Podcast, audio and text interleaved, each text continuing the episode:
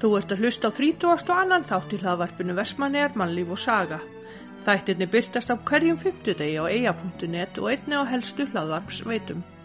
Hægt er að fylgjast með okkur á Facebook og Instagram. Í dag munum við ræða við Margreti Karlsdóttur á fallega heimili hennar á hraumbúðum. Margrét rifjar upp hvernig var að flytja til eiga sem ung kona. Hún rifjar upp vinnuferilinn, munin á samgöngunum og margt fleira. Margrét er fætt 8. janúar 1930. Í setni hluta þáttarins fáum við að heyra samatækt um hvernig upphafið á flugi til versmanega var. Heimildir og texta fengum við á heimasló.is. Sæl og blessun Margrét Kallstóttir og velkomin í spjallið okkar og takk fyrir að taka mút okkur. Sæl og blessu líka. Og hérna, hver er Margrét? Hún er nú bara húsvikingur Já, og þingahingur. já, Það hefur nú alltaf verið talað um þá að það verið svo mikið loft í þeim. já, Og ég saði stundum þegar ég var að fara norður og var á flugvellinum í Reykjavík og fólk var að spyrja mig hvert ég var að fara. já, Ég satt bara að vera að fara til að endur nýja loftið. já. Já, já, já. En hvenna fluttur þú til Vestmanneja? Ég fluttist hingað 53. Já. Og í hvað erindagjörðum? Bara út að vinnu þá eða? Ég var bara gift. Já, Giftum okkur bara í Reykjavík. já, Kynntustum þar og, já. og svo bara flutti ég með honum yngað. Og var hann Vestmannegingur? Já, já. Já, Ég hef bara aldrei komið til Vestmanni. Jú, aðeins með skipi svona. já. Og hvernig fannst þér eigarn að taka mótið þér? Það tóku mjög vel á móti mér. Já, En ég fekk voðalegt leiðendakastins. já, Leiðar við hræðilega illa. já. Og hvað langaði þá bara í burtu? Það langaði bara úsavík. Já, Ég var búin að vera heima. Hann fór á síld. já, og, og ég fór heim með við áttum tvö börn þá já. elstu börnin, þekkir ekki Brynju Jú, já, Stefán Björnáttur í Reykjavík já, elsta, já, ég fór með þau tvö bara hún var, hún átti am, fyrsta amalinn sinni heima já, ok, og hann var þryggjára já, og ég var náttúrulega hjá fóröldrum mínum og leið bara ofsalega vel já, og svo náttúrulega hitti ég mínar vinkonu já, já, sem alltaf hafði verið saman og mér fannst þetta alveg dásamlegt að Já. vera heima. já, Svo náttúrulega kom að því að ég fór, já, hann kom af síldinu og sótt okkur já, og hann stoppaði svo nokkra daga því Brynja var svo kvefuð, já, við þorðum ekki alveg að fara með hana já, og mér fannst bara voðalega gott að vera aðeins lengur. já, Og svo hérna, já, já, svo fórum við bara. Og þegar ég kem heim til Vestmanneja, var allt í lagi svona fyrstu dagana og eftir, já, svo bara grípum við svona agalega leiðindi. já, Veistu það, ég held ég bara aldrei fundið einn styr. já, æ, Bara fann til í hjartanu já, og hann vissi náttúrulega að ég sá hann bara ég, bara væri alveg, ég bara geti ekki. já, hugsa mér vera. Og það náttúrulega var þannig að pabbi var búinn að útfóna vinnu heima á Húsavík já, ok, og við ætlum bara að flytja þangað. já, Svo kemur hann heim með daginn og, og s- fyrir að segja mér það að þá langi svo marga sína vini og vinnufélaga að, að, e, að byggja sér svona velsmiðju. já, og maður þetta voru allt ungir menn og maður þekkti þetta vel. já, já, Svo ég sagði já, já, já. Og ansæði voða litlu og við bara svona aðeins bjölluðum um þetta og svo er þetta einum tveim dögum setna þá segi ég fór svona hugsa máli bara rólega þetta. Ég hugsa með mér að þetta verði ekki. Það er bara framtíða, þessi þá er bara ekki framtíð okkar já, ef að ég læti eftir. einmitt, Og ég gerði þetta, ég sá henni það. Ég sagði, já, ég, við skulum bara verða hérna, sagði ég. já, Ég vil bara að þú verði með þeim í þessu. já, Ég hlýta læknast að þessu, sagði ég. já, Gerði það auðvitað. já, og þeir hérna smiðu byggðu vesmiðuna neð segi völund já, vélavestaði völund já, sem er núna rafitan á einmitt, og það svo hérna fóru smiðurnar að saminast já, magni og völundur já, og úr því var skipalifta já,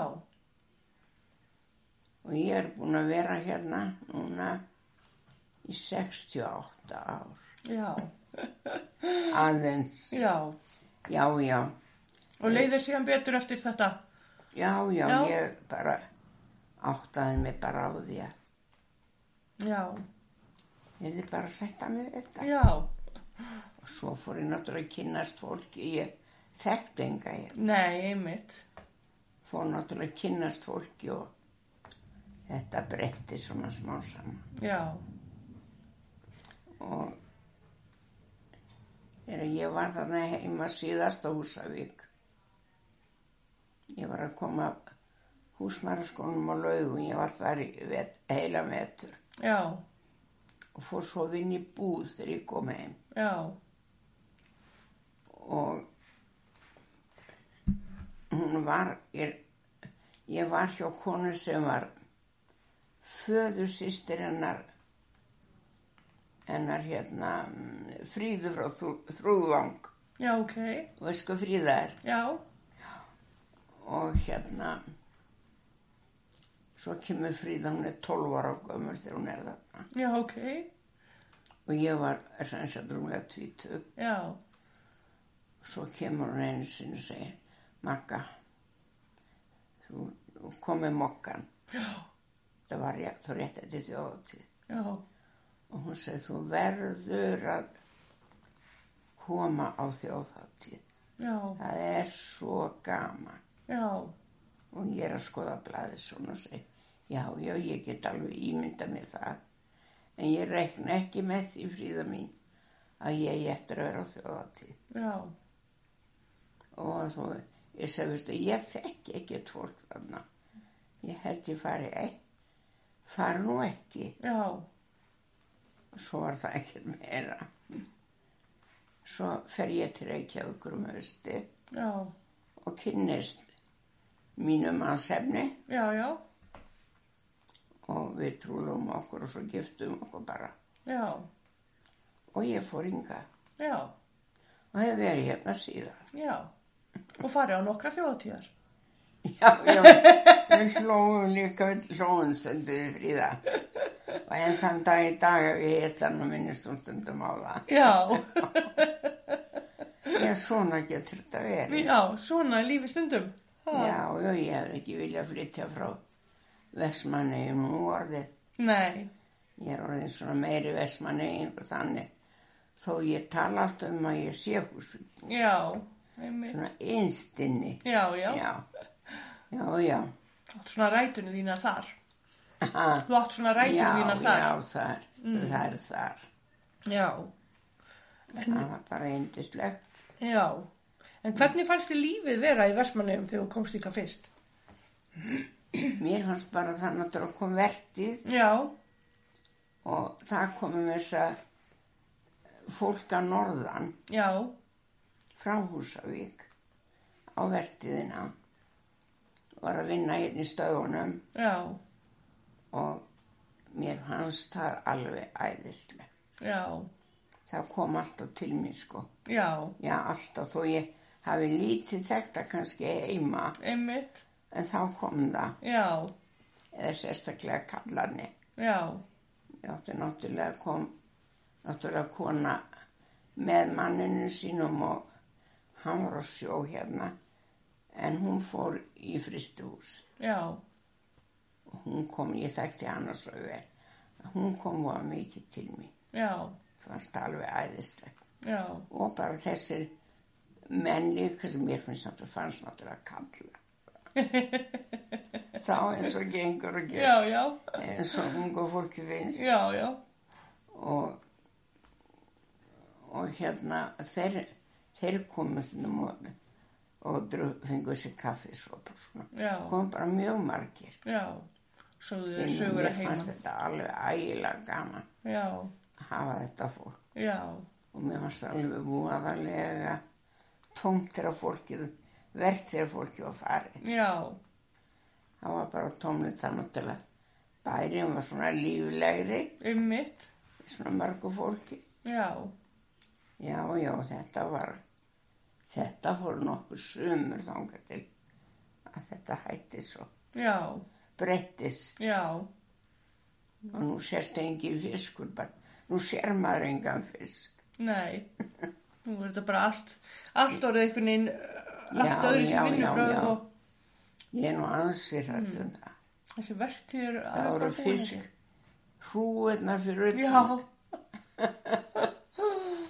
Það sérst ekki núna. nei, en við hvað varst að vinna í Vespunum, Ég var nú bara heima fyrst já, með krakkana mína já, og svo fór ég svona smá vinna bara í saltfiski já, um á veturnar. já, og uh, ég var inn í vinslustöðvinna já, í saltfiski og var voða mikið að, að sauma svona utan í saltfisk. já, ok, Þá var það gert. já, Þá var fiskurinn svona þurrkaður eða og hann var svo góður. Það var saltfiskur. já, Mér finnst þetta ekki saltfiskur í dag. nei, En þetta er svona, það eru bara breytingarnir eru svona. já, og já, svo fór ég að vinna hérna út í flugstöð já, ok, og ég fann þar í 16 ár já,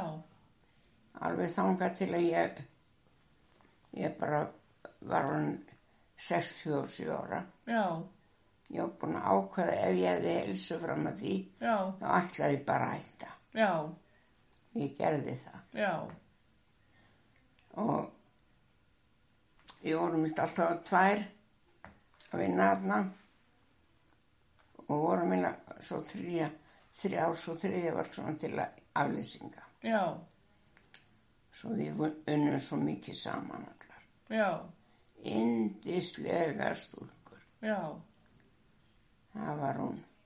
Hún byrjaði að vinna með mér, hún eiglós áluga.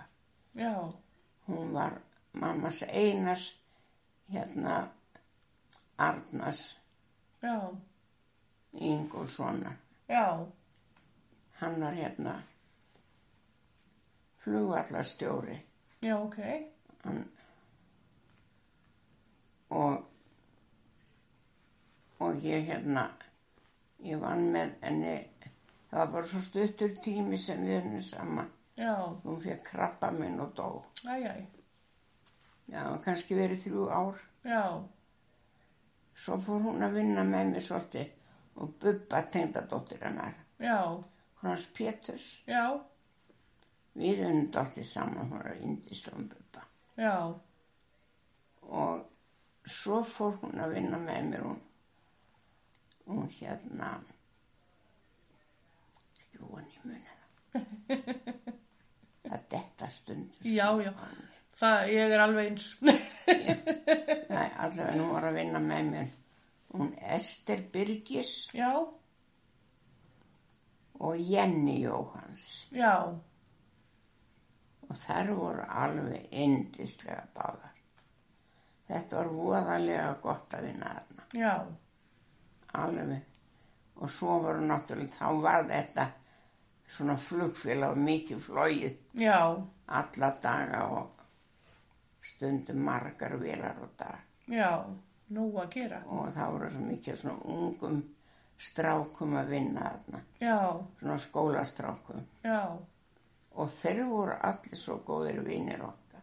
já, Það var svo gaman af þeim og þeir eru ennþá vinni mínir. já, Alltaf ef ég hitta öllur orðni, fullorðni menn náttúrulega í dag, já, já, en ég fæ alltaf kveðju frá þeim. já, Ég fæ voðalótt kveðju frá honum. Og honum Malla hérna, Malla, já, mástu hver hann er? nei, ég er ekki alveg með þá hreinu. hann hvað á ég að segja þér ég veit náttúrulega einhvern að mamma sér dáin ég er ekki viss um það en hún er, býr ekki hérna hún vinn er Já, á bíli Reykjavík já, en, en þau byggu hér já, og byggu á Brimálabröðinni já, ok, svo er Malli búin að vera út um allan heim já, ok, búin að vera sendi herr og ég veit já, já, já, ég veit alveg hver, hver Veistu hver hann maður er. er? Kveikt á perunni. já veist að hann er indislegur Já, Ég fegi alltaf svo góða hverju frá hana. já, Og hérna, já þetta voru svo margi skemmtilegi strákar. Og hann Siggi, hann er svona svonur hennar. Mamma sér hálfgjöðstu kona eða var. já, Og það er lítið fann að vinna núna. já, já, Veistu, Margrét eða ekki? Já. Já, einmitt, Sonur hennar. já, Honum datt nú margt í hugunum Sigga. hann var ægilega skemmtilegur. já, Ég hafði vist verið að tala um það einhver tíman upp frá því að koma að vinna hvað mér finnist fólkið furðulegt að skildi ekki þegar var verið að það var hemmigun já, með þá mm, og fór svona í hús og, og eh, gerði alls konar sagði allt mögulegt við og, og það trúði því sko já, svo var þetta ekkert svoleiðis það var bara, það var alveg æðislega fyndið og ég sagði en það skuli alltaf láta blata þessu svona Já. sagði ég svo þá ætlaði senna ringi síminn heima hjá mér mm, að kvöldlagi og ég fyrir síman annar spurkut sem Margrét Karlsdóttir já, já, segi ég þá er ég spurk hvort að ég eigi ekki ískáp jú, jú og hvaða sort er það ég sá hann um það hann spurði hvernig mér hefði líka við hann var þetta ekki verið allt í lagi jú, jú, jú, sagði ég og það var eitthvað fleiri samband við skápin já, Svo skellir hann upp úr og segir, þú þekktir mig ekki. Nei, þetta Siggi. Já, ég skal launa þér þetta. og við hlófum og hlófum. Og Friðþór sagði við mig og eftir, ég vissi um leið að það liti einhverju vera að plata þig. já,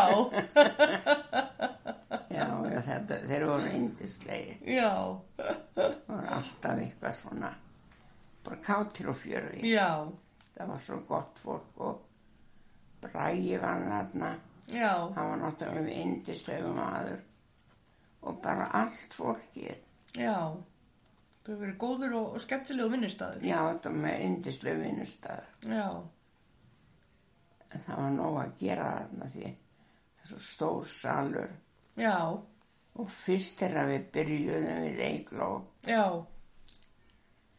þá var þetta bara vorum við bara með tusku og föt já, að þvó þennan stóra sal já, og við sögðum bara báða já við verðum ekki lengi í þessu nei, ekki hægt að vera í þessu já, þetta var alveg já, rosalega vinna ekki trúa því. Þú getur ímyndaði Einmitt, um svo kom að við fengum svona þvegla já, og og við gáttum semst og það var svona uh, smá hvað við segja svona hól sem að við gáttum sett hann onni og, já, og þurftum ekki að beigja okkur svona sem Já. við gerðum einmitt, við verðum auðvitað að beigja okkur já, já, og, en það var það var ekki tæknin nei, síður en svo en það kom svo kom svo eh, skúringa eða rastinga vél og sem við notum líka alltaf öðru Já. hverju. En þetta var alltaf gaman að þessu. já, Svo vandist maður þess að einmitt, og svo þegar ég, ég hætti, ég er fætt í janúar, snemma í janúar, já, var 67 ára, 8. janúar, já, svo ætla ég bara að klára mína, minn dag, síðasta dag og, og fyrir ditti, ditti hérna, maður þegar ditta sem að gifta henni Guðbjörg og Guðbjörg var hann á spítalanum. Þú varst náttúrulega svo unga þú þekkir það ekki. Hún var svona röngendækni. já, ok, Mamma, ég, þetta voru fóldra Jenny já, já, og hann var þannig yfir okkur og við vorum alltaf sóttar hann sótt okkur alltaf hverjum degi já, en hverju kvöldi við fórum aldrei fyrir svona umsjuleitið já, svo hérna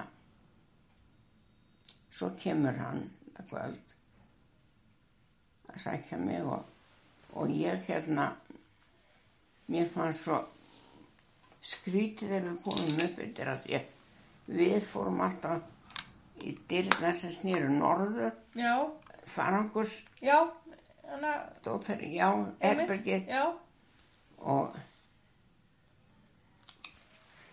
og hann fyrir þarna að aðaldýrunum já, og ég sé það er engin ljós þar. ég sé hvað hvernig stendur verið slögt bara ljósin þarna já, hann segir ekki til því við fórum bara inn og þá standa þær á fætur þarna sem- þau sem unnu þarna já, og gorguð alveg á mig og þá var bara veistlubor já, það var ekkert annað nei, og þær voru búnar að þrýfa já, svo ég átti ekkert að gera það nei, og það var hringt í mannin minn já, ég ég vissi það að að hann fór í síma sko Já, sæstur að sk- greppa já, og hann fór upp undir já, og var líka þá það var alveg indis og voru með gjafir handa mér og það er ekki orði yfir það já, Og þetta var bara yndislega gaman hjá. honum. já, Og, og svo bara hætti ég já, og svo er ég bara búin að vera eina tvo daga heima held ég. mm, Nei, það var bara sama kvöldi.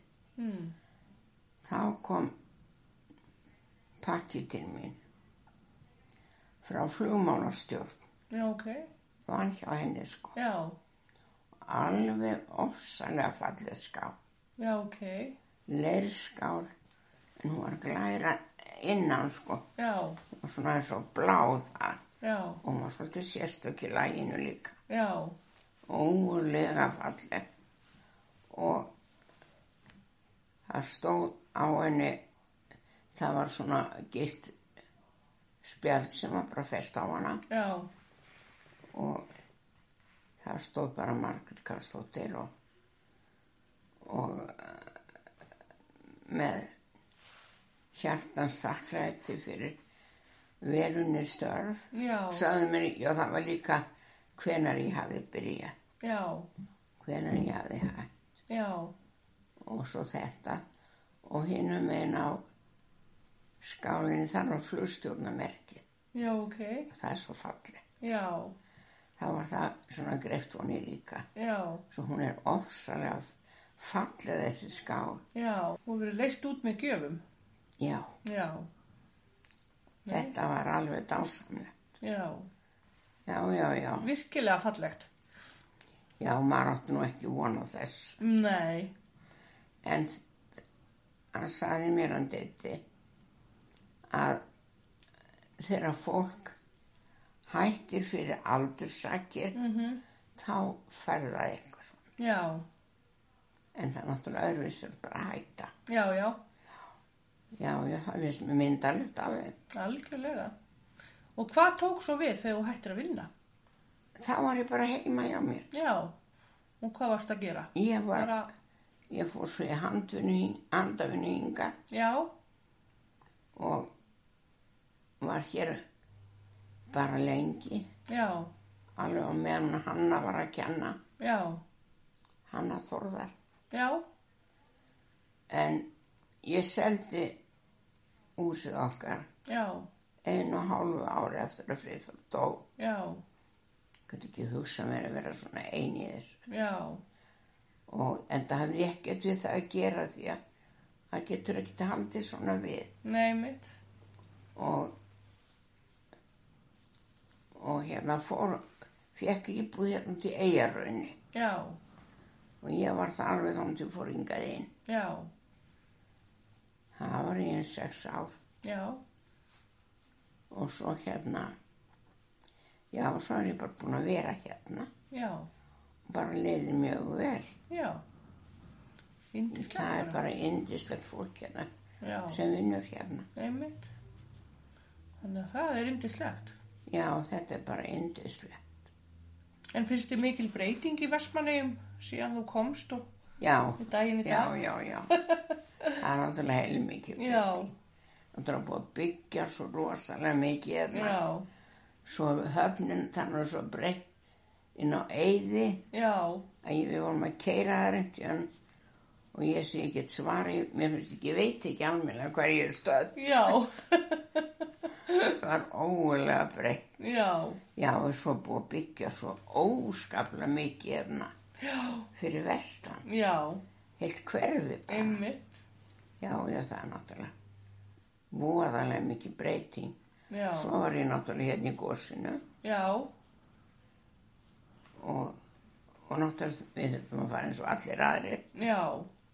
Og hvað varstu þá komið mörg börn?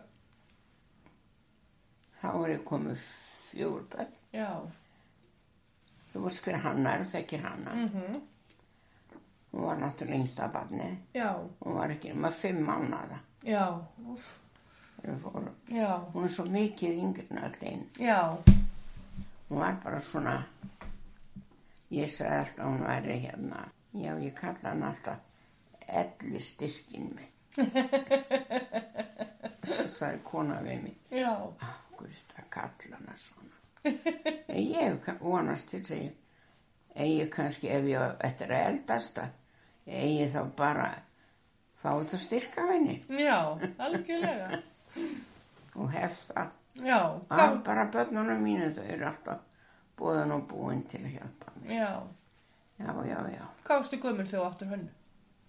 42 ára. Já, ok, það er nú bara ungt í dag, er það ekki? Jú, það þykir hún núna. En hérna, en mér fannst það bara indislegt. Já, Það eina sem ég man eftir ég kveð svolítið fyrir því að segja fullorðnum krakkonum þetta. já, Þau tóku því bara alveg óskaplega vel Já, og fannst það æðislega. já, Já, ég fannst þú að það gaman að fá bara litla sýstir. einmitt, Svo yndislegt, komum við ekki til fyrir en að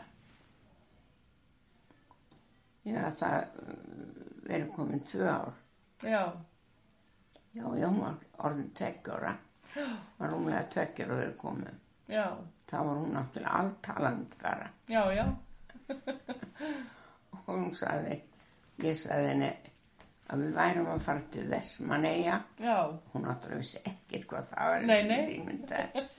Svo var hún alltaf að segja í leiðin og flugulinn standa, við erum farið í Mekka, við erum að fara í Mekka, mann þegar fór margir að hlæja að því flugulinni.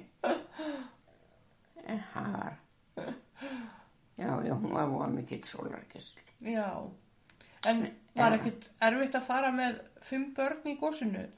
Nei, maður hugsaði ekkert út í það. Nei, bara, ekki neitt. bara fara nýra á byggju og, Já, já, já, ég man bara eftir ég, það var hringt, já, ég fyrir síman.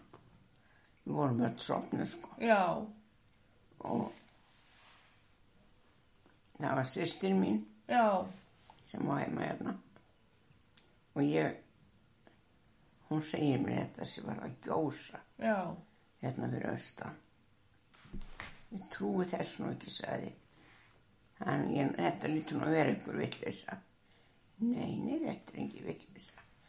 Þú getur alveg séð það meira þess að þú bara kíkir út. já, Ég gerði það svo Já. eftir og þá sá ég það náttúrulega. já, Þetta var alvara einmitt, og heyrði líka í því já, svo ég fyrir nú inn að vekja mitt fólk. já, Og ég manna fyrir þá sagði við mig, blessu góða kontur upp í rústrakt og farðu bara að sofa.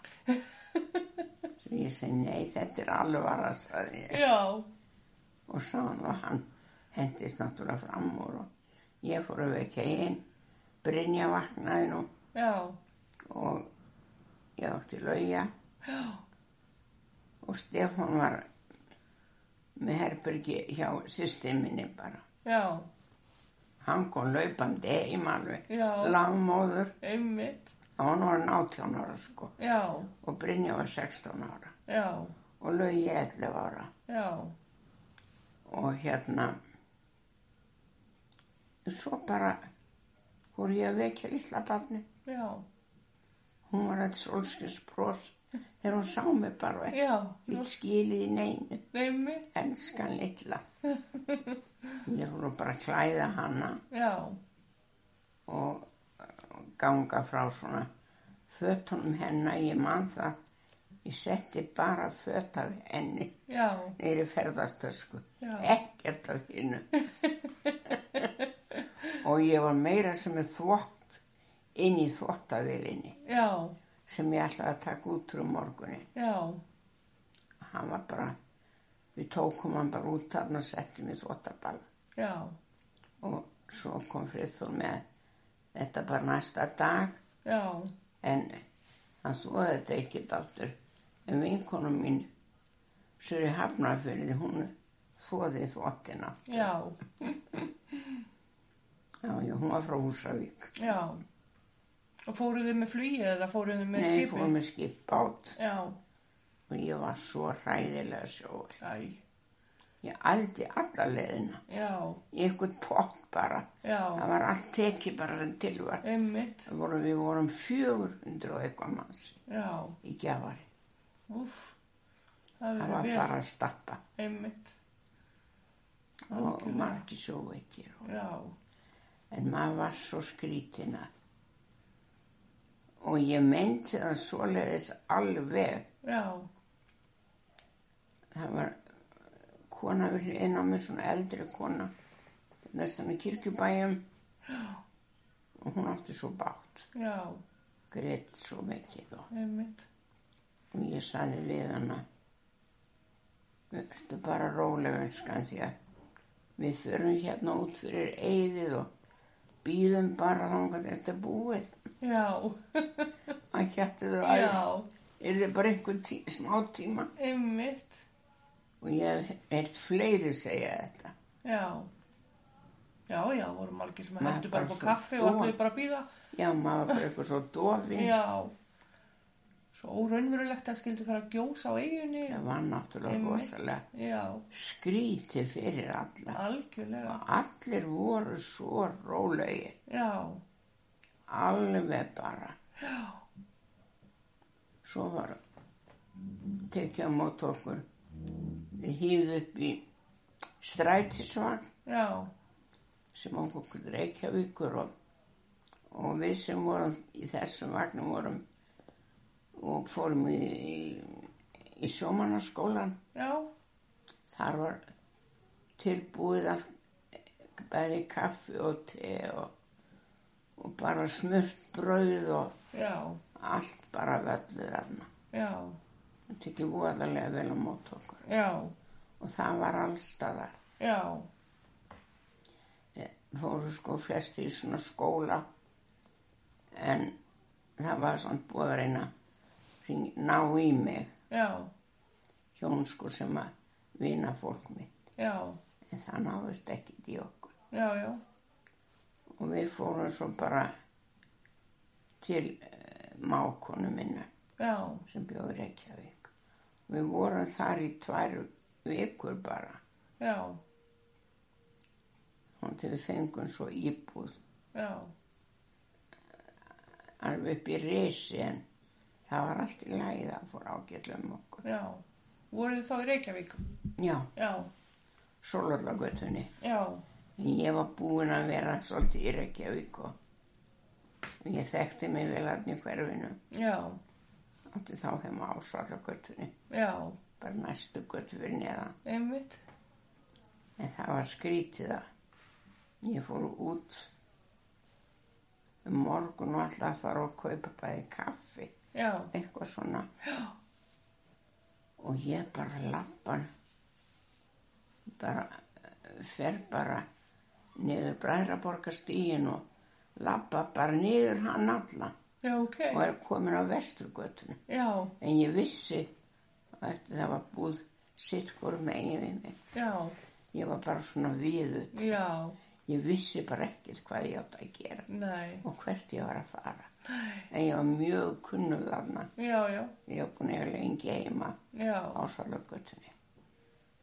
En maður var svona viðutanni. já, bara í áfalli ábygglega, Já, ég held að við hefum verið í einhverju á. já, þá var náttúrulega ekkert til sem þetta áfalla hjálp eða neitt, Nei, nei, nei. þannig að fólk fór þetta bara á hnefanum svolítið held ég, Mm. Já, já, maður gerði það bara. já, hvar áttu þið heima þeirra gauðs, Þeirra guðs, já, við vorum, ætlaðum að fara að flytja inn úsið okkur upp á Íllagöt já, og við kláðum það svo bara. já, Við gáttum flutt inn, sko. já, Svo það var allt í lægin, við kláðum það svo bara. já, Þetta með þeirra setja upp í loftin og, einmitt, og eitthvað smáttir í. já, En það var svona bara.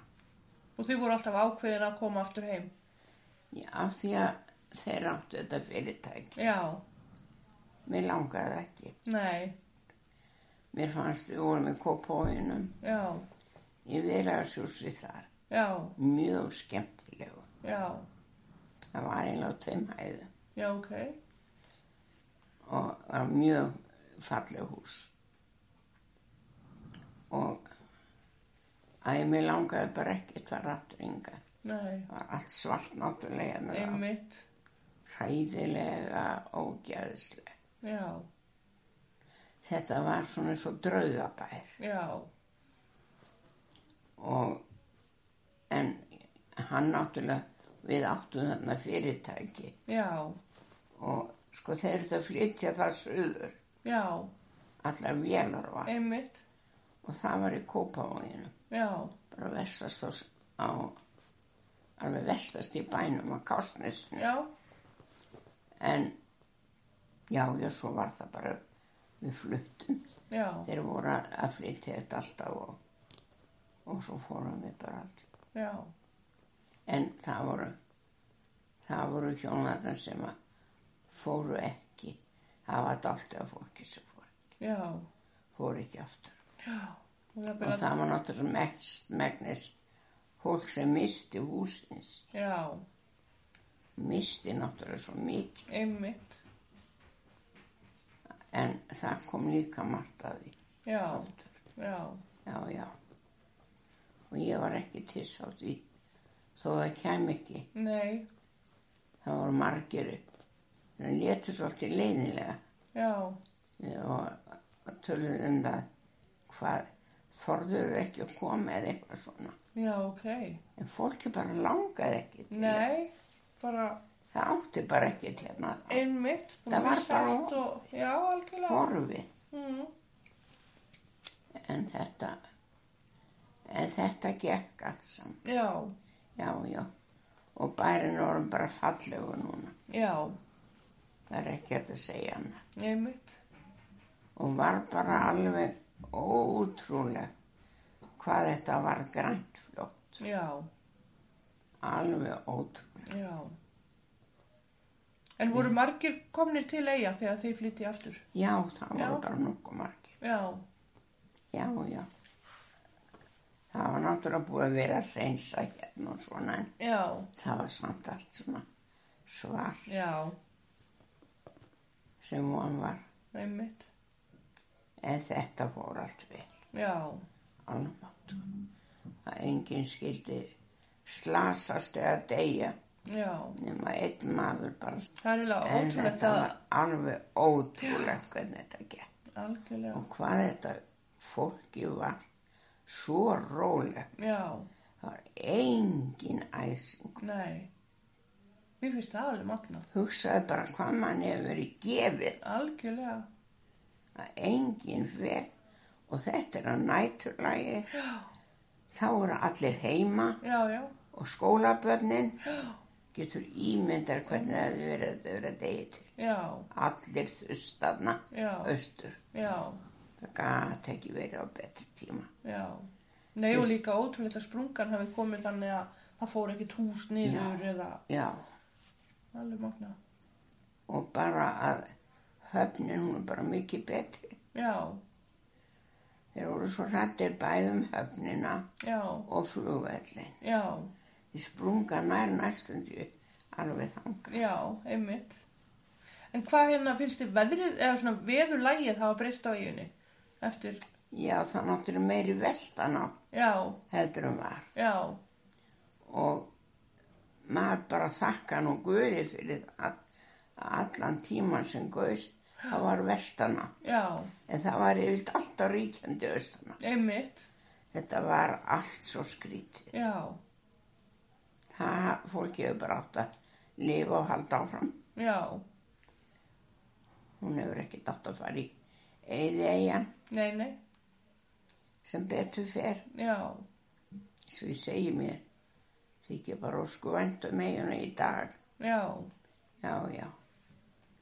Og mér fannst það strax óskaplega fallegt.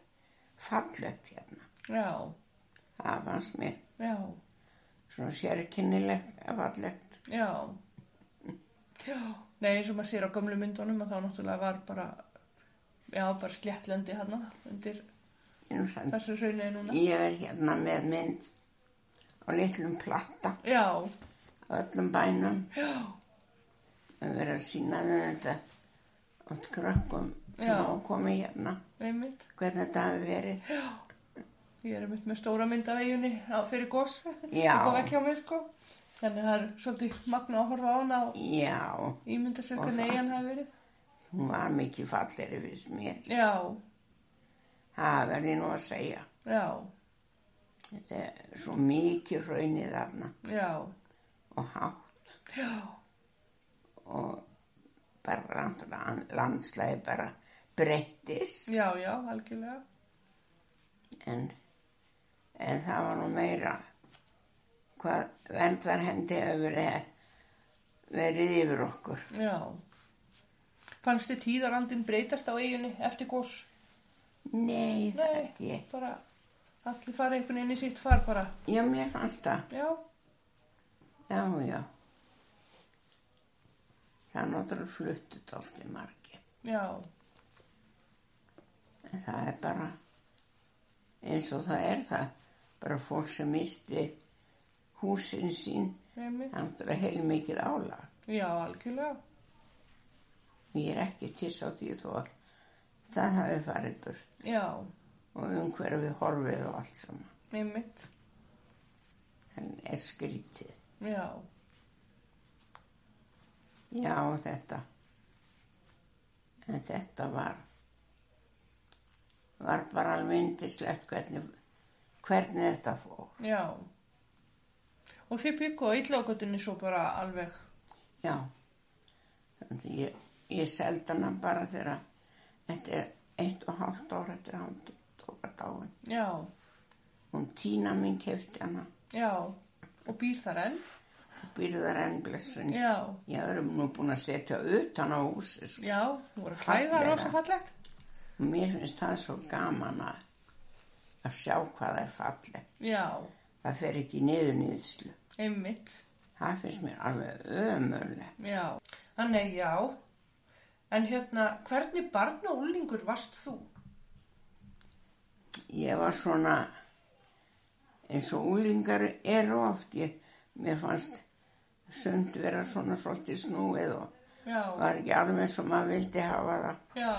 Og ég held að bara allir úlingar. Hæ, er allt í góðu? Já, við vorum að spyrja því hérna. Hvernig barn og úlingur varstu? Já, Ha, ég var, var held ég bara svona þokkaleg já, en, en ég hef bara verið eins og úlingar eru. já, Ma- Ég man það að ég, það voru svo mikið síldarbátar heima, Já, landlegur og svona. já, Það voru alltaf ball, já, einhver- þetta var svona eins og var í vertíðinni hérna. já, Og ég held ég hef ekki verið nema 15 ára. Og ég fór á hverju kvöldaball.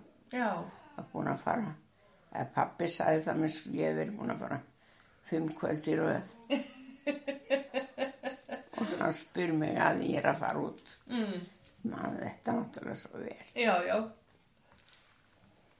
þú ferð ekkert á neitt balli í kvöld nei, já, já, sagði ég bara já, og svo leðið svo svo fór ég auðvitað já, og þegar ég er inn á miðju gólfu að dansa mm, já, pappi sagði við mig ef þú ferð þá sæki ég þig já, Já, já, sagði ég bara.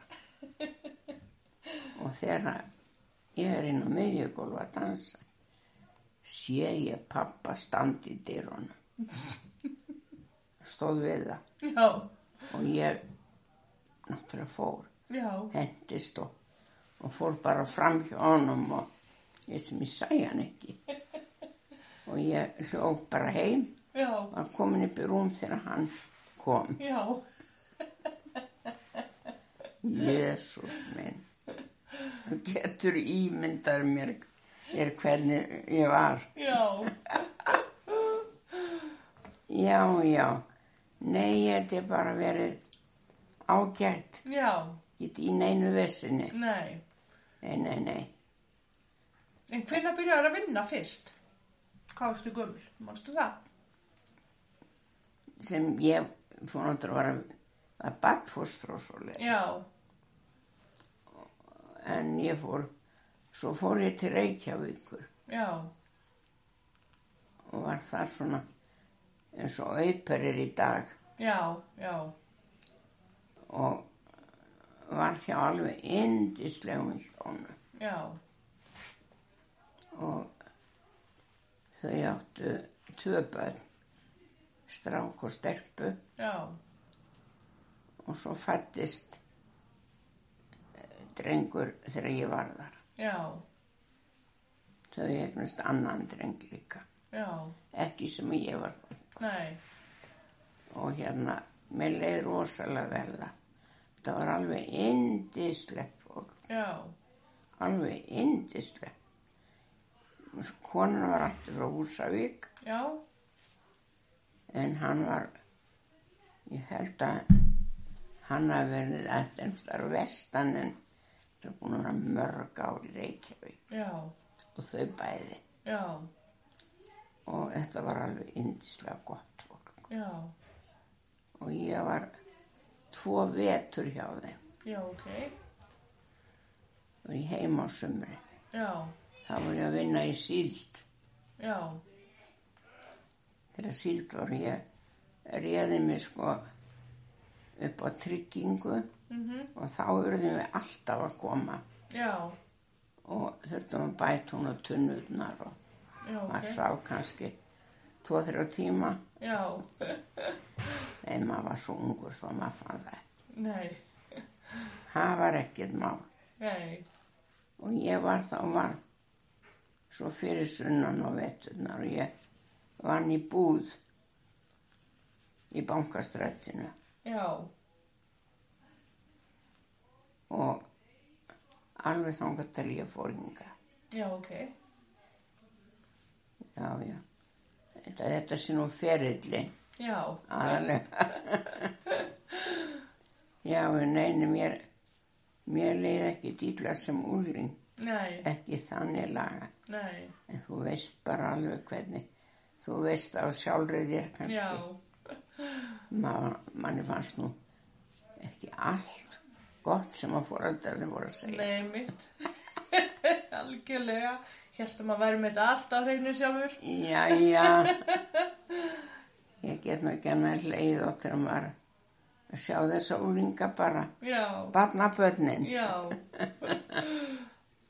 þetta er bara akkurat eins já, sem það er svolítið svona mótstaða móti fóreldrónum. já, já, Vill ekki vera alveg samanlega. nei, mitt.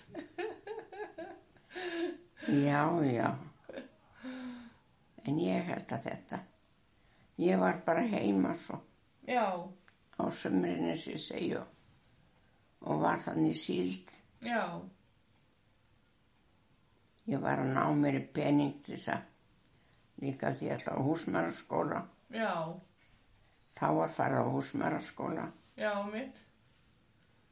og ég fór þá og var þar Já, alveg heila metur. já, Alveg frá því september og fram í byrjun júni. já. Og þú fórst á laugar. Já, Já, það var indislegt alveg. já, Voðalega skemmtilegu tími. já, Og síðast í gerðkvöld var skólasystir mín að ringi mig já, ok. frá Hotnafyrði Já, yndislegt. sem er 93 ára gömur. Já, Já, við höfum alltaf samband eitthvað á okkur. já, Svo náttúrulega sumar hornar. já, já. Eins og gengur ekki. Já, já, eins og gengur og gerist. Hmm. En við hittustum alltaf. Já, Já, já, já, já, hingað og þangað um landi. já, Það var alveg ægilega gaman. já. Já, já, já, Duglegar að halda sambandi. já. Já, Og, og enn þann dag í dag eh, talar maður alltaf eitthvað. að þeim. já, þeir sem voru svona næstar manni því að þess, það var náttúrulega skipt sko já, að byrjaði, ég manna ég byrjaði í vefnaði já, og, og þá voru hermunguna stúlkunum í eldhúsinu já, ok. svo fór ég í saumana Já, og nei, svo fórum við í eldhúsið já, aftur já, og svo í saumana og svo var ég í eldhúsinu þegar skólanum lauk. já, Þetta var rosalega gaman. já, Blessu góður alls konar sprell já. hjá okkur. Ég get trúa því. Alls konar rögl og bull. Já, Við vorum 36, já, ok. svo það, Það hefur verið fjör. það var fjör. Já, Ofta þá við áttum alltaf að vera komnar upp í rúm klukkan tíu. já, einu sinni þá fóru þrjár stelpur mm. með mjölkurbílnum í langt inn í sveit já, og það gerði svo snjói það var sko snjór úti Já. það er á reyniskónum og bíll, bíllinn bílar bara þátti langt frá og já, það máttu hlaupa allaveg heim og ég maður eftir að ég opnaði húsi fyrir þeim já, og klukkan var alveg að verða tíu já, svo leys að þær rétt sluttur. sluppu en þær fóru í öll upp í rúm bara Já, þá, svo kom kennslukonan inn já, til að líta eftir okkur þau ekki farið upp í rúm jú, jú, og alveg rólegar allar það var nú oft hleyið að þess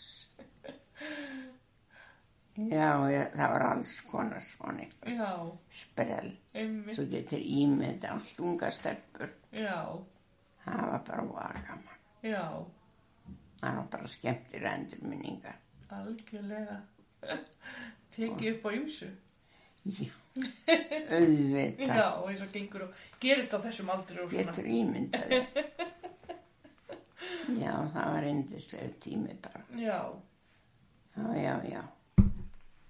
Já, bara indislegt að geta haft samband ennþá við einhverjir af þeim. já, svo. Svo náttúrulega það eru bæði dánar og, og ég veit að það eru orðnar svo lélir í höfðinu. já, að þakka nú fyrir það meðan maður er það ekki. einmitt, Ég algjörlega. vona nú ég verði það ekki, ég bara, þá Já. myndi bara vilja deyja. Já, Endir þetta nú orðið gott. já, Nú er orðið 91 árs. já, Það er ljómandi gott. já. En þú lítur ótrúlega vel út. Já, þakkaði fyrir. Ég er svo heppin að ég er ekki svo mikið hrukkótt, Nei. ekkert svo. Mamma var svona líka, mamma, Já, hún var alveg olrætt hjá þennu. já, Hún var 94 ára. já. Já, já. Þetta er allavega með mann, Já, eins og við vitum. já. En ertu með einhver svona skemmtilega sögur úr Vestmannegjum svona hérna áður fyrr? Ekki þennan eigum, Já, ég mann nú ekki eftir því. nei, Nei, ég allavega kem ég það ekki fyrir mig. nei, það er fólk bara hérna ég meðan þetta hitti fólk og, já, og hérna vorum átt saman kannski svona a- um helgi og kvöldi til en ég man ekki eftir að hafa neitt fyndi gest nei, þetta velur að sé einhvers þar inni en, já, en það kemur ekki upp á yfirborði núna nei. En hvernig var lífið hérna áður, þú veist, eins og bara var mikið svona hérna samgangur á milli fólks og þá var til sjónvarpi kom já, já, þá var fólk að spila og já, ímislegt svona og kom hvort til annars já, svo bara þegar sjónvarpið var komið já, þá bara hættu allir að koma já, það. já þetta var svo mikið nýja Jú, bruma Já, að vera með sjónvarp og geta já, séð þetta hitt og þetta já, það er náttúrulega breytist með já, já, tímanum svo já já já en það var svona já, ég man eftir því að við fengum svolítið snemma sjónvarp já, og það var hægt að svo, horfa svona á kanna já.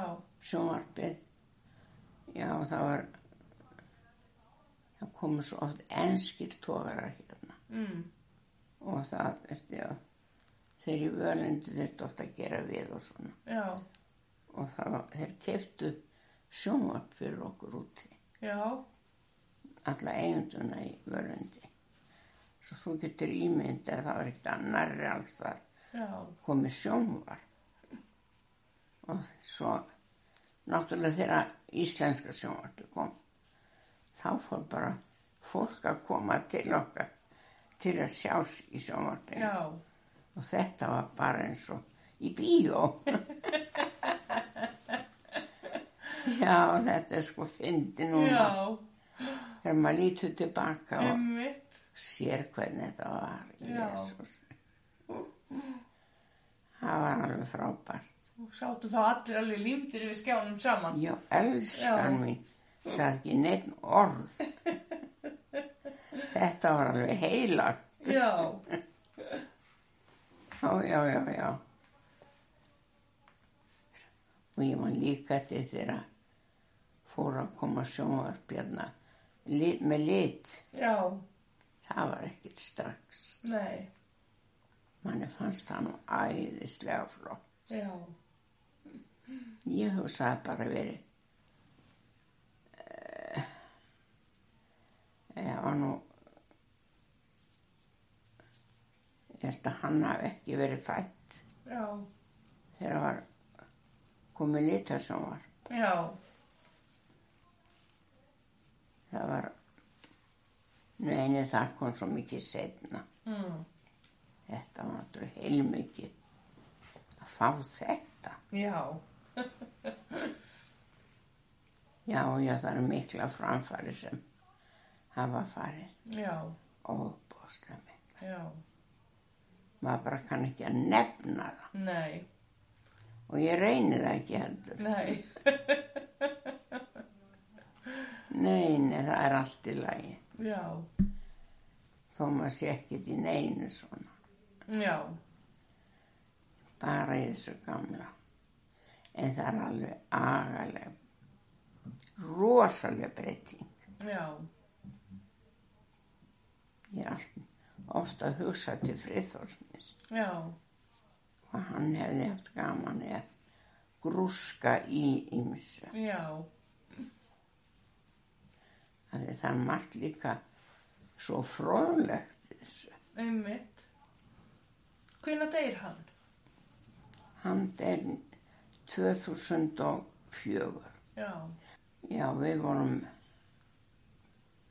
við vorum búin að eiga uh, gullbrúðkaup, já, áttum það í oktober já, og krakkarnir okkar, þau búin buð okkur í, í óvissuferð já, ok, sem ekki við áttum bara að mæta. Laugatast morgun í Herjólfi já, og svo áttu bara að fara eitthvað með okkur. já, Og þau, þá fórum, fórum við á Laugava. já, og þau voru öll og öll barna börnin og það sem kom var að langa með börn. já, Þetta var alveg indisleg ferð. já, ég get trúa Það því. var svona helgarferð Já, og við vorum þarna á laugavatni og, og það var þegar við komum þá voru það komnar eitthvað stelpunar já, og það var svona borð aðeins harra en þetta já, en álíka. mm, búin að það var sett svona upp í vegg þarna það átti stór salur þarna sem þetta var á gamla posthúsinu já, ok, það var leikt svona út já, og hérna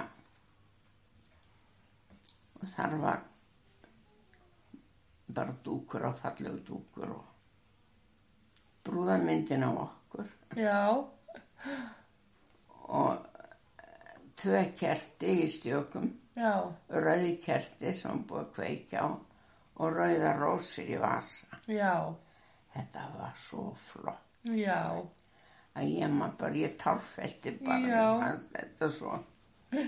Hvað þau voru hugsunarsum já, og og þetta var bara dásamleg, dásamleg ferð já, ég get alveg trúa því. að fara þetta. Af því frið var orðin lasin Já, og, og hann dó bara nokkrum mánuðum sinn. já, En hann naut þess alveg að fara þetta. já, Það var alveg ægilega gaman. Maður gleymir þessu nú ekki. nei, Það myndi aðna upp á efri, já, efri hillunni sem þau tóku, settu bara mynda við svona á, já, upp á stól æðistu, og svo kom hann að hlaupandi bara svo hún kemist á myndinu. já, indislegt, Já, þetta er alveg indislegt.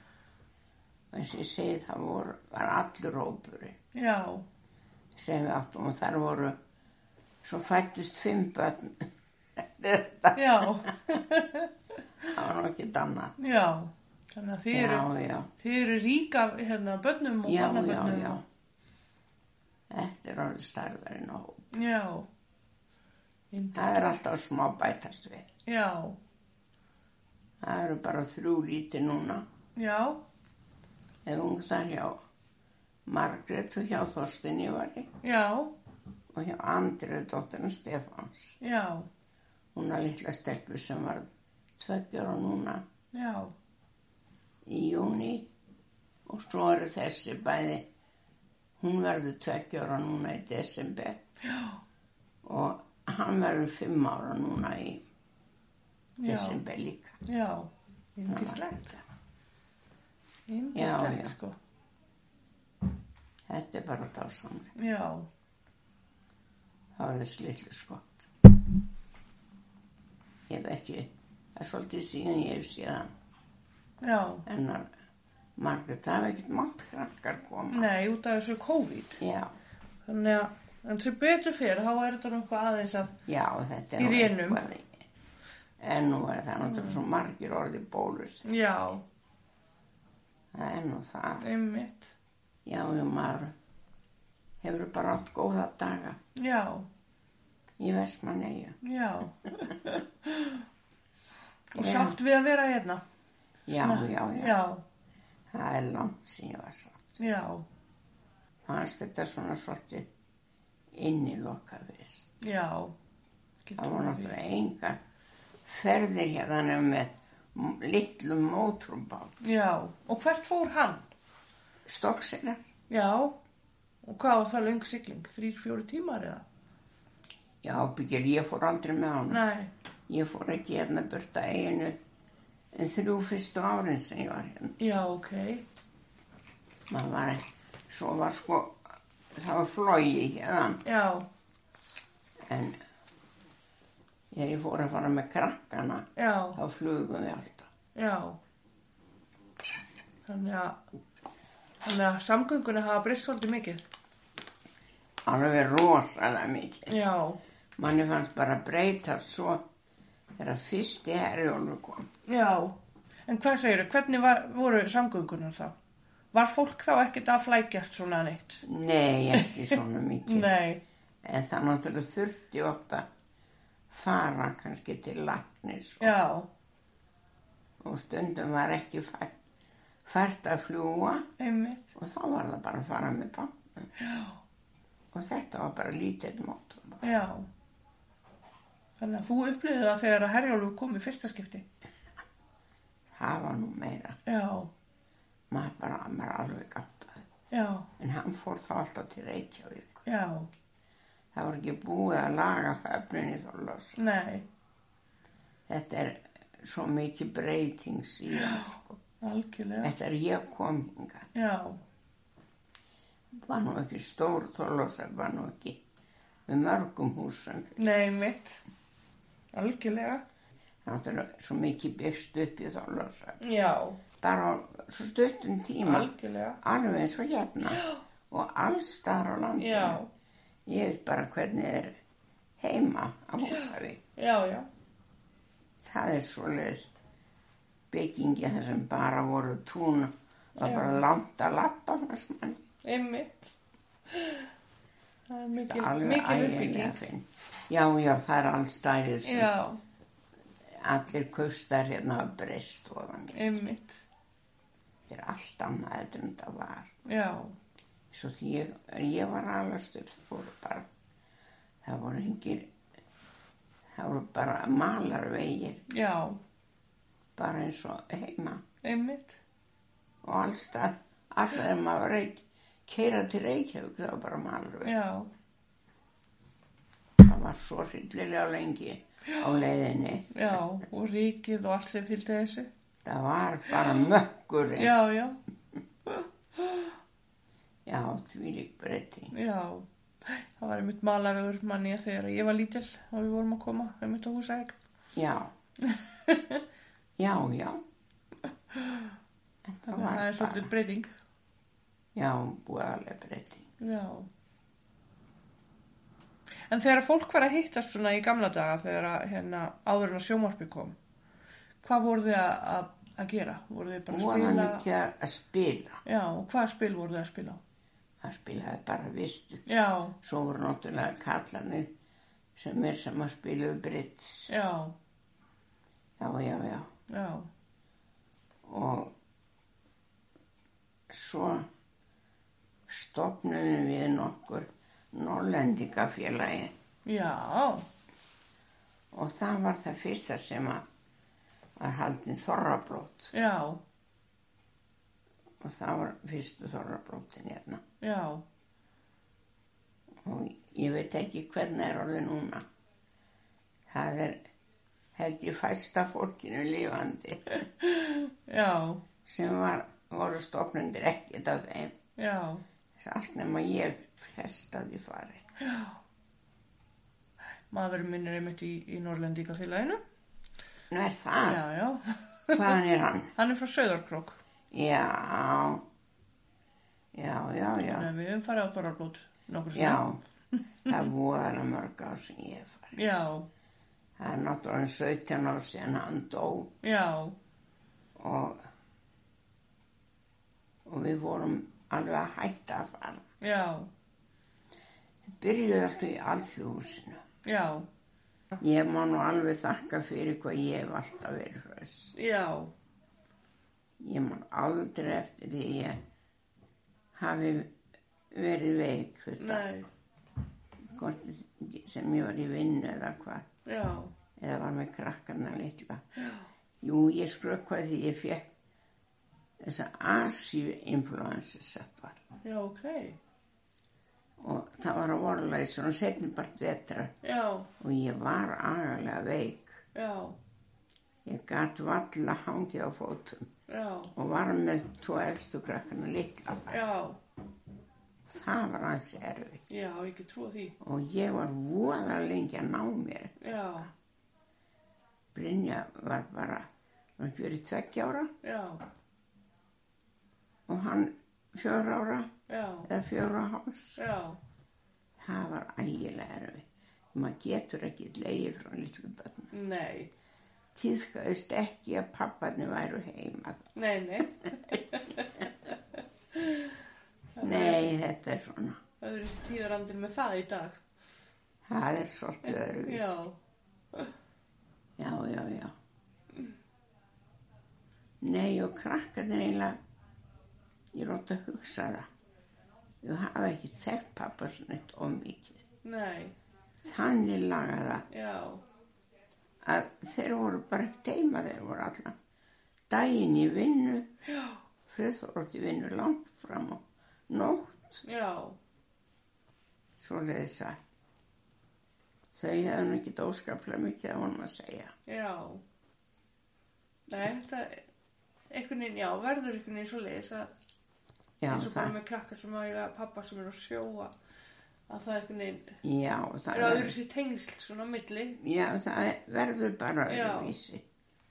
En núna sem betur hefur þetta breyst. já, sem betur fyrr Það er bara eins og pappanir hefur kannski vilja að vera heima, já, sjálfsögðu, en þjóðfélag bara bauð ekki upp á það. einmitt algjörlega, Það er bara svo leiðis.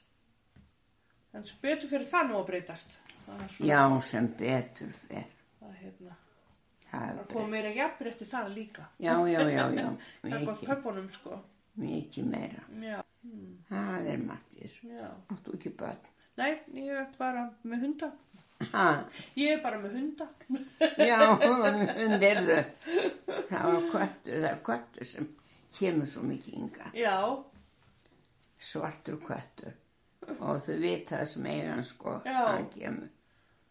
Hann var hérna alveg hjá mér í gerkvöld og lá hérna honum mér. næ, Ég lá hérna, hann svaf bara. já Svo var hann nú vaknaður og svo ætla ég að fara að fara upp í rúm. já, Stekkur hann upp í rúmi undan mér. já og var nú eitthvað að bröltast í rúminu og ég var komin og komin undir sæng og allt og þá lá hann í fótunum á mig hérna Já. alla nóttina Já, æ, en svo indislegur já, svo mikill keli köttur hann þarf alveg að fara upp í andidaman og já, nutta sér alveg svona æ, yndislegt, hann er kolsvartur já, ok, en æðislegt samt, æ já hann er bara indislegur já, mér finnst voðalega gaman að hafa hann. já, ég segi stelpun í vilji hann má koma hérna inn til mín þegar hann vill já, hann flakkar hérna um svolítið. já, Já, já, þetta gefur lífinu smá lit, æ, já, mm. og hundarnir, þeir náttúrulega eru öðruvísi svona heldur en Mm. kettir, já, þeir eru rosalega góðir. já, ég var einmitt að fá mér eitt kork núna, Astu, já, hann er alveg rosa skemmtilegur, já, hvaða tegund er það? það heitir Silki Terrier, hann verður bara svona lítill, Já, já, já, Svo er ég meina stóra sem er orðin hvað, já, hún er að vera 15 ára í februar. já, já, Þannig að, og hvað hérna, hver, hvaða tegund er það?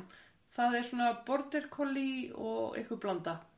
Já, já, Hún er alveg vel stór með við hann. já, já, auðvitað, og er allt í lagi, já, já, þetta gengur ágætlega bara. já, já, Hún verður stundur svolítið pyrru á, á honum því að hann vil alltaf vera eitthvað að leika, sko. já, auðvitað. Hún er búin með þann part í lífinu. Já, einmitt. Já, það er eins og þessi sko. Hún er búin með, hún er bara að vera í kjelir í. já Já, já, já. það var kósi, sko. Við vorum nefnilega svo mikið með ketti já, og það var nú bara tilviljun að við tókum kött já, því að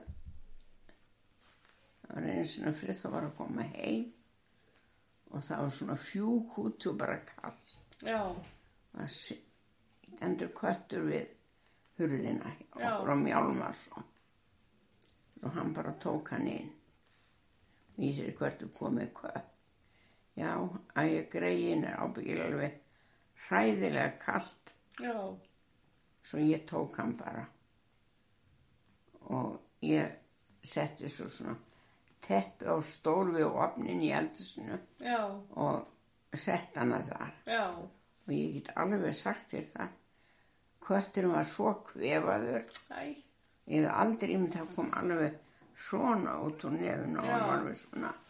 æ, æ, æ, Svo ég, hann var að reyna að hlinna honum alveg eins og ég gaf, já, svo batnaði honum bara. já, En við auðlistum með hann já, Hann væri hjá okkur, bara aldrei vitað um hann. já, það, Þetta var heimilisköttur. já, Hann er ekki staðið dittnar og mjálma, nei, þetta var villikottur, en við tókum hann bara. já, Hann var hjá okkur þangur til hann bara dó já, og, og svo fengum við okkur annan kött já, og það var læða já, og hún átti egnaðist náttúrulega kettling. já, egnaðist þrjá litla gerlinga og við letum, øh, fórum með tvo af þeim já, og veldum einn. Áttum hann alveg, hann var bara kísur. já, En hann var svo lítill og, ó, og bjarga laus já, því að mamman fór út bara, mm, bara til að gera þarfi sína. já, Hún hafði farið yfir götuna, ég svo hún gerði það svo oft. já, Hann hafði verið svona tvekja daga já, og hún kom aldrei aftur. æ, æ, og við fréttum ekki dafinu við auðlustum eftir Já. henni og við, það var hanna bara að stelpa já, og, og við leitum fyrst um allt og krakkarnir og allar nýkring að leita já, saman engin og engin gaf sér fram að hefði séð hana já, þegar allt inni ringdi í mig og hann að spítala og þá hafði hún dúra hérna, þú veist já, hún hafði dúra vann svo lengi að spítalanum já, mitt, hafði hún sagðist þetta að hún hafi séð að hafi verið kyrt yfir æ, hann æ, bara rétt hérna hjá okkur já, æ, æ, og við vorum svo um því að svo vissum maður ekkert hún hefði bara sæst hún hefði kannski ekki dáið strax já, einmitt, og farið eitthvað og, já, og dáið bara svona já, mann hanna grét nú aldeilis já, ég get trúa því, getur ímyndað já, svo vorum við bara vandrað með kettlingi já, í hann náttúrulega varð að fá eitthvað og við áttum svona spröytu bara sem að var í, í svona æg hvert að verði nefið eða já, eitthvað einmitt, og við, ég hef tekið svona mjölkur bland bara upp í það já, en að gefa henni svo sér hanna hún Lilli húna og kísum með tvo kettlinga já, hún Lilli hans haus á reykjum já, hún áttur að búin að fara svo oft til hennar og krakkarni já, til að sjá kettlingana hjá henni já, og þeir voru hann nokkuð stoppaði já, svo ég ringi Lilli og spyr hana hvort að ég megi nokkuð hvort hún myndi nokkuð halda kísan hennar myndi vilja aðeins já, taka kettlingin á meðan hann er svona ósjálfbjarga já, jú komdu, komiði bara saman við fórum með hann og eins og við sagðum það við vissum hvort að kísan myndi vilja taka nei, af því að og hún var með tvo kettlinga einmitt, og þeir voru báðir að drekka hjá mömmu sinni já, og Lili læðist alveg á gólfið og við allar og fyrir að tala við kissun já, og ég var að segja, æ, já, ég var að segja bara hann, ég hann og svo bátt ég já, búin að missa mömmu sín og svona, þetta Já. var svo yndislega Já. að heyri henni Lili og allt í einu þá setur hún fótinn í báða kettlingana ítir þeim frá sér já, og tekur utan hennar litla æ, og setur hann á spena. já, Hann var fljótur að fara að sjúa já, og hann var svo bara hjá Lilji alveg þanga til að hann gætt sjálfur fara að bjarga sér. já, Já. Hún sagði þetta, þegar allt gengi vel, hún var, hanna var alltaf að fara, að sjá hann og svo. það tók mig kísuna á, Já, já, æ, svo leiðis að, Nú, hún hefur tekið hann alveg í fóstur, já, hún tók hann alveg. já, burt. yndislegt, Og þetta var svo fallit að sjá. já, kísunan ítti sínum og það leipur svona frá já, og tók utan um litla já, og sett hann á spenna og það fekk hann að vera hjá henni já, og kettlingunum þeir voru ekkert að fetta fingur út nei, þá var komið nýr kettling og bínu lítill nei, hann náttúrulega varð að vera mest hjá henni já, já, Ég, hann náttúrulega drakk alltaf hjá henni einmitt, en heyra hann og fengi að drekka hjá mamma sinni líka. já, fingisins, en þetta var móða fallegt að sjá já, og gaman að sjá það. einmitt, Já, já, já. Það er ímislegt. Hmm. já, er eitthvað sem þú vilt segja okkur svona í lokin?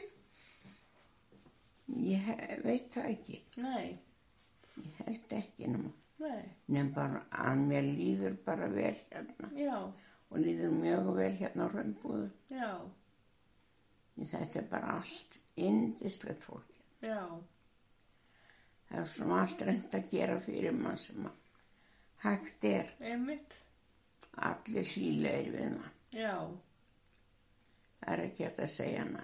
já, Já, já, þau koma nú stundum tvö og þrjú hérna inn til mín já, að spjalla. já, Já, já. Það er bara yndislegt. já, Nei, þau eru- Það er bara orðið svo lélegt fólk. hérna. já, Alveg, við erum ekkert mörg sem eru sæmur í höfðinu. já, það er alveg Það er svo- sorglegt, Já, það er sorglegt, já, og erfitt að horfa upp á líka, alveg hræðilega. Mm.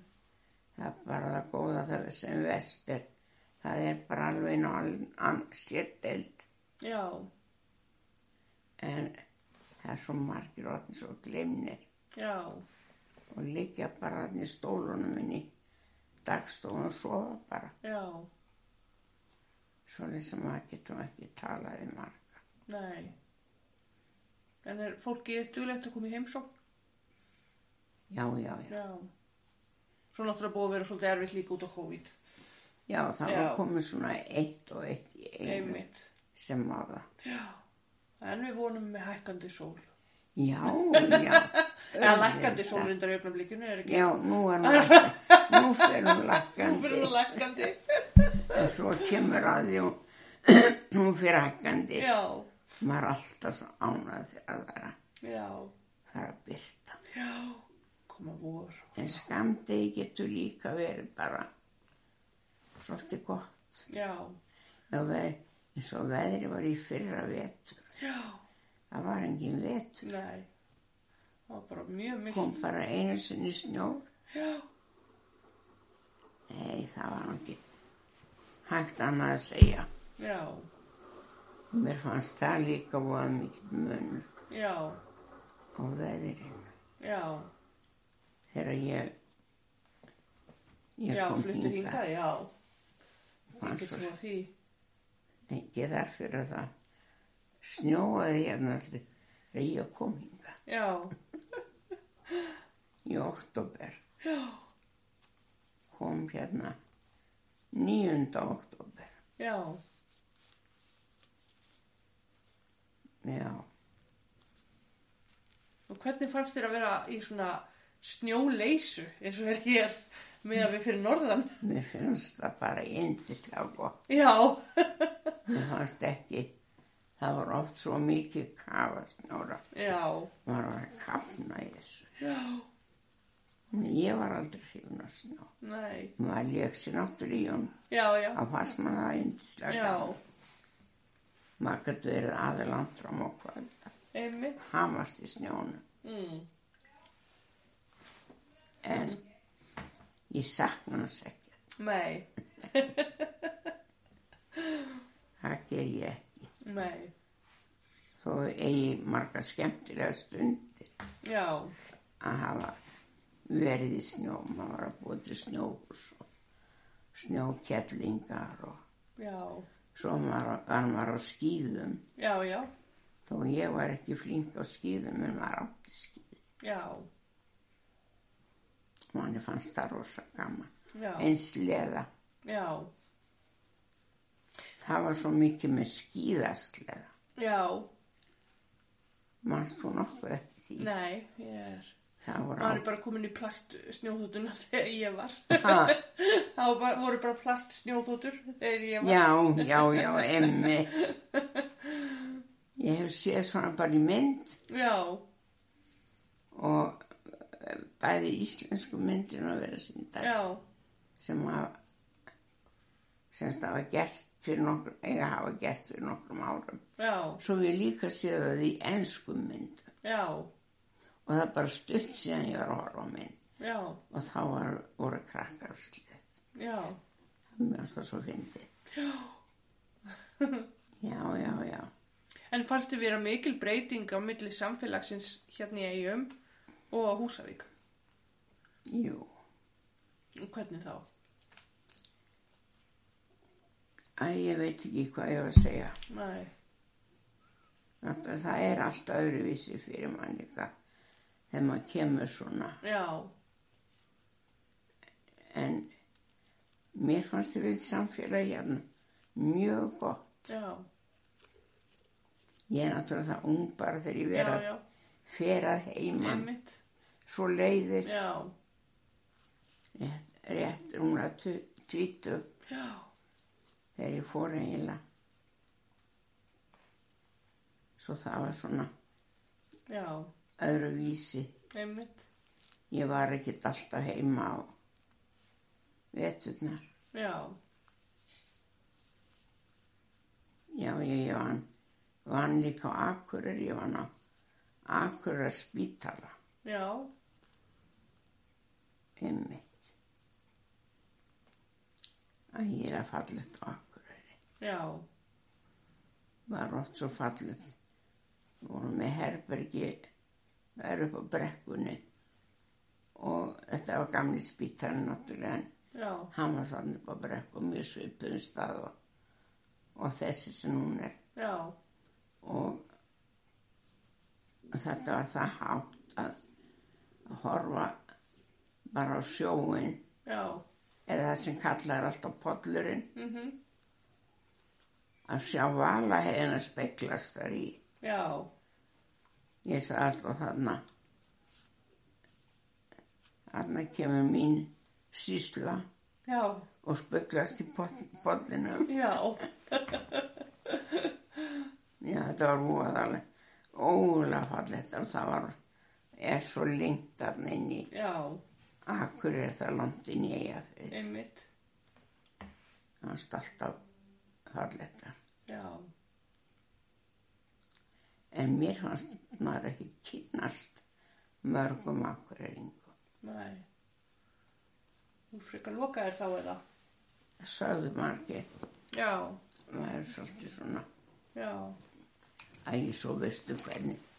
Það er svona milli, já, já, svona kustað sem maður er svona nálaðt hver Einmitt. öðrum.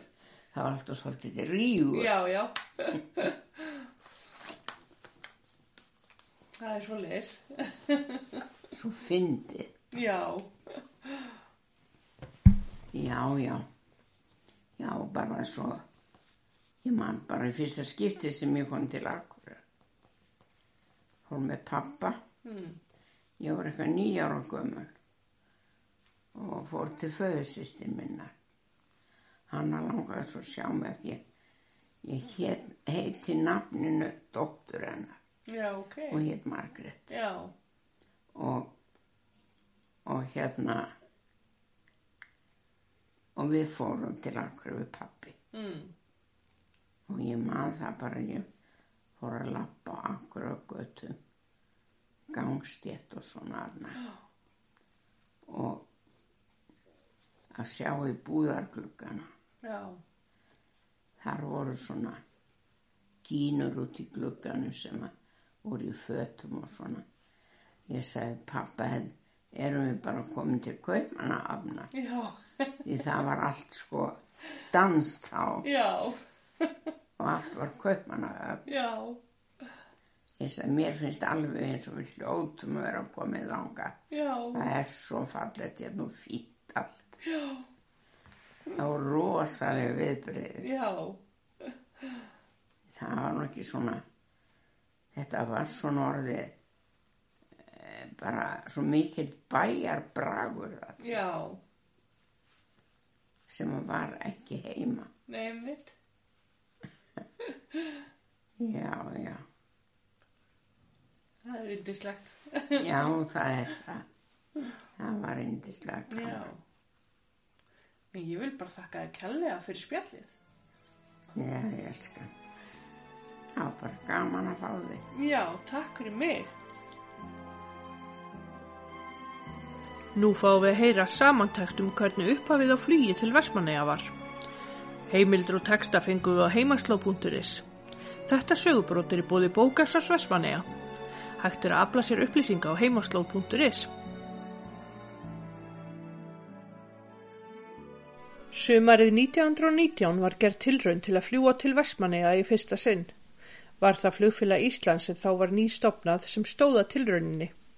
Svo kollu vatnavél var notið til flugsins og var áætlað að lenda vélinni inn í botni þar sem nú er friðarhöfn. Ekki vildi betur til en svo að tilraunin meðsefnaðist, þar sem ókyrð var í lofti undir stóraklifi og munaði munstu að flugmaðurinn misti stjórn á vélinni. Í þessari fyrstu tilraun var það lenda vélinni í kaldaðanessi. Haldur Jónasson, eitt stjórnamaður í flugfélaginu, var í vélinni. Haldur lýsir þessari sögulegu ferð. Við lækkum flugið og beigjum suður fyrir klifið. Þar sjáum við strax afmarkaðan völl inni undir klettunum. Hafði Sigurður Lifsali látið merki hann með hvítu lérefti sem lagt var á jörðina í ring. En jafn skjótt og við erum komnir í hljef í fjallið fyrir að bera á megnum óróleika í loftinu sem ekst er neðar dregur. Vélinn tekur snögga kippi og það hryktir og brestur í henni. Allt í einu dettu vélinn og lánarri að hún færi um og hrapaði niður á jörð. En á næsta augnabliki tekur hún snögt viðbrað upp á við og út á hlið og mátti nú ekki tæpar að standa að þau værum kolsildir. Faver setur mótorinn á með fullu krafti og við skrúfum okkur út úr kyrfubiljónum og erum á næsta augabræði komnir yfir bæinn. Segir Haldur að þetta hafi verið sár vonbriði því fjöldi fólks hafi sapnað saman til að sjá fyrstu lendingu flugvilar í Vestmannegjum. Ári síðar, 16. júli 1920, var önnu tilrun gerð til að lenda flugvél í Vestmannegjum. Var þar að verki Frank Fredriksson sem starfaði þá hjá flugfélagi Íslands. Ekki vildi betur til enn í fyrra skiptið og varð að snúa vélinni frá Vestmannegjum þar sem sviftivindar voru yfir eigunum. Af eigin sögn komst flugmaðurum með naumundum heill frá þeirri flugferð. Til gamans má geta að þessi Frank Fredriksson var Winnipegbúi og vestur Íslandingur og varð ólimpíu og heimsmystari með kanadíska ísokkiliðinu Falkunum í Andverpen fyrr þetta sama ár. Falkanir voru allir Íslandingar utan einn og er saga þeirra mjög merkileg. Það var ekki fyrir en tæpum átta árum síðar að fyrsta flugvillin lendi í eigum. Það 9. júni 1928 lendi Volter flugstjóri hjá flugfélag Íslands flugvilsinni Súlunni heilu og höldnu í höfninni í Vestmanneum. Vélinn sem var vatnaflugvél var af gerðinni Junkers F-13. Farið milli Vestmanneja og Reykjavíkur kostaði þá 32 krónur. Fyrsta flugvillin sem lendi á heimaði var TFSUX og var það 1. oktober 1939. Það var á túni Einar Sigurssonar og Helga Benoníssonar uppi af lambáskorum. Flugmaður var Agnar Kófett Hansen og farþegi var Bergur G. Gíslason. Eftirfarandi er úr árbók flugmálastjórnar árið 1978. Flugmálastjóri Agnar Kófett Hansen reynsluflög flugvillinni TF-SUX í júli 1938. Flugvillin er að gerðinni Klem 25 og kom til landsins með þýska sviffluglegangrunum árið 1938 en varð síðar eign Íslenska ríkisins og flugmálafélags Íslands. Á árunum 1938 og 1939 var hún meðal annars notu til að kanna lendingastaði víða um land, en flög sitt síðasta flug í februar 1940. Keiftur hefur verið í hana nýr hreyfill og hún gerði upp. Að því verki hefur aðalega unnið Gísli Sigursson. Agnar flögvélinni aftur árið 1982 og er það síðasta flugvélarinnar. Flugvélinn hjekk í lofti flugstöðvarinnar í Vestmanneum frá 20. oktober 1985 til 7. februar 1999. Flugvélinn er nú í vörslu flugmálafélags Íslands og er ekki lofthæf. Ekkert gerðist í málunum fyrir árið 1945 þegar bygging flugvallarins hófst. Jóhann Þóttn Jósefsson átti frumkvæði í flugvallamálum Vespaneyinga, en það var hann alþingismadur þeirra. Hann ásamt reyndum flugmönnum gerði frum aðtuganir á skilurðum á heimaði til flugvallagerðar. Þeir komust að því að hagstaðast var að byggja flugvallin austan ofanleitis. Farið austan átt var ríkjandi vindátt. Verkfræðingar voru sammála staðsendingunni og var tillaga til flugvallagerðar samþygt á alþingi 1944 til 1945. Ákveði var að flugbrutin yrði 800 metra laung og 60 metra breið. Varskipið ægir kom til Vestmanneia 11. november 1945 full hlaðið af stórvirkum vinnuvélum. Þar voru ítur, gattavaltarar, kranar, traktorar, loftpressur og fleira. Það var svo um mitt sumar 1946 að farið er að keira rauðamöl úr helgafelli í yfirborð flugvallarins. Fyrsta flugvilin lendi á flugbrutinni þann 14. ágúst 1946. Flugbrutin var þá 250 metra löng. Flugmenn voru Hjalti Tómasson og Haldur Beck og flugu þeir á tveggja seta flugvilinni Piper Cup J3 TFKAK tóku þeir í fyrsta sinn póst frá eigum loftleðis. Daglegt áhullunarflug hófst skömmu síðar, 12. oktober á vegum loftleða. Loftleðir voru leiðandi flugvallamálunum og þeirra menn áttu drúan þátt í allir framkvæmt byggingar hans. Víksla flugvallarins var 13. november 1946. Tvö lendingar óhef áttu sér stað á þessum haustmánuðum. Fyrra atvikið þann 25. september 1946.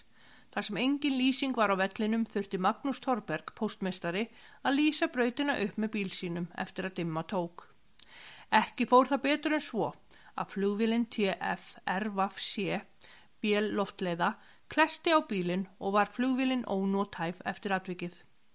Engin slis urða fólki og það mátti þakka að farþegar fóru út úr bílnum til þess að hrekja burt hest sem virtist ætla hlaupa inn á brautina.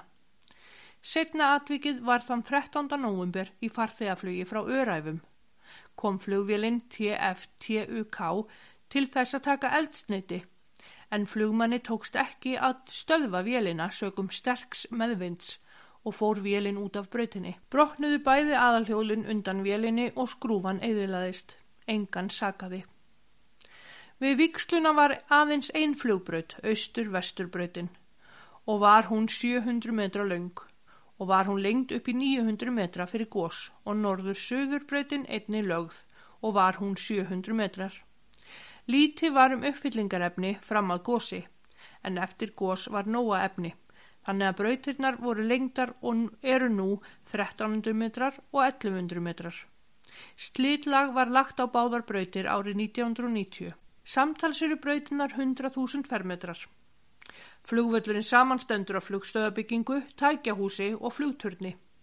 Fyrsti flugturnin var tekin í nóðkun árið 1953, nýr flugturn árið 1978, ný flugstöð árið 1980 og tækjahús byggt árið 1995. Flugstöðin og flugturnin voru endurbætt árið 2000. Fram að byggingu tækjahúsins höfðu öll tæki og bílar verið geimdir úti. En með tilkomi húsins varð ekkert mál að koma snjórunningstækjum af stað þar sem ekki þarf fyrst að reyðja þau. Árið 1999 var flugstöðin stækkuð og endurbætt. Var viðbyggingu upp á 221 fermetra byggð og er heildar grunnflötur flugstöðvarana nú 810 fermetrar. Er stór bætt aðstaða fyrir farþega og starfsfólk. Nokkur flugfélög hafa séð um áallunarflug til Vestmanneia síðustu áratugina. Má þar nefna loftleiðir, flugfélag Íslands, Arnarflug, flugfélag Vestmanneia sem syndi flugi upp á bakka, flugfélagi Ernir og síðast Æsland er. Því miður hefur svo þróun átt sér stað í flugmálum í Vestmanneium að ekkert áallunarflug er starfandi í augnablikinu, eigaskekkjum til mikill að vonbriða.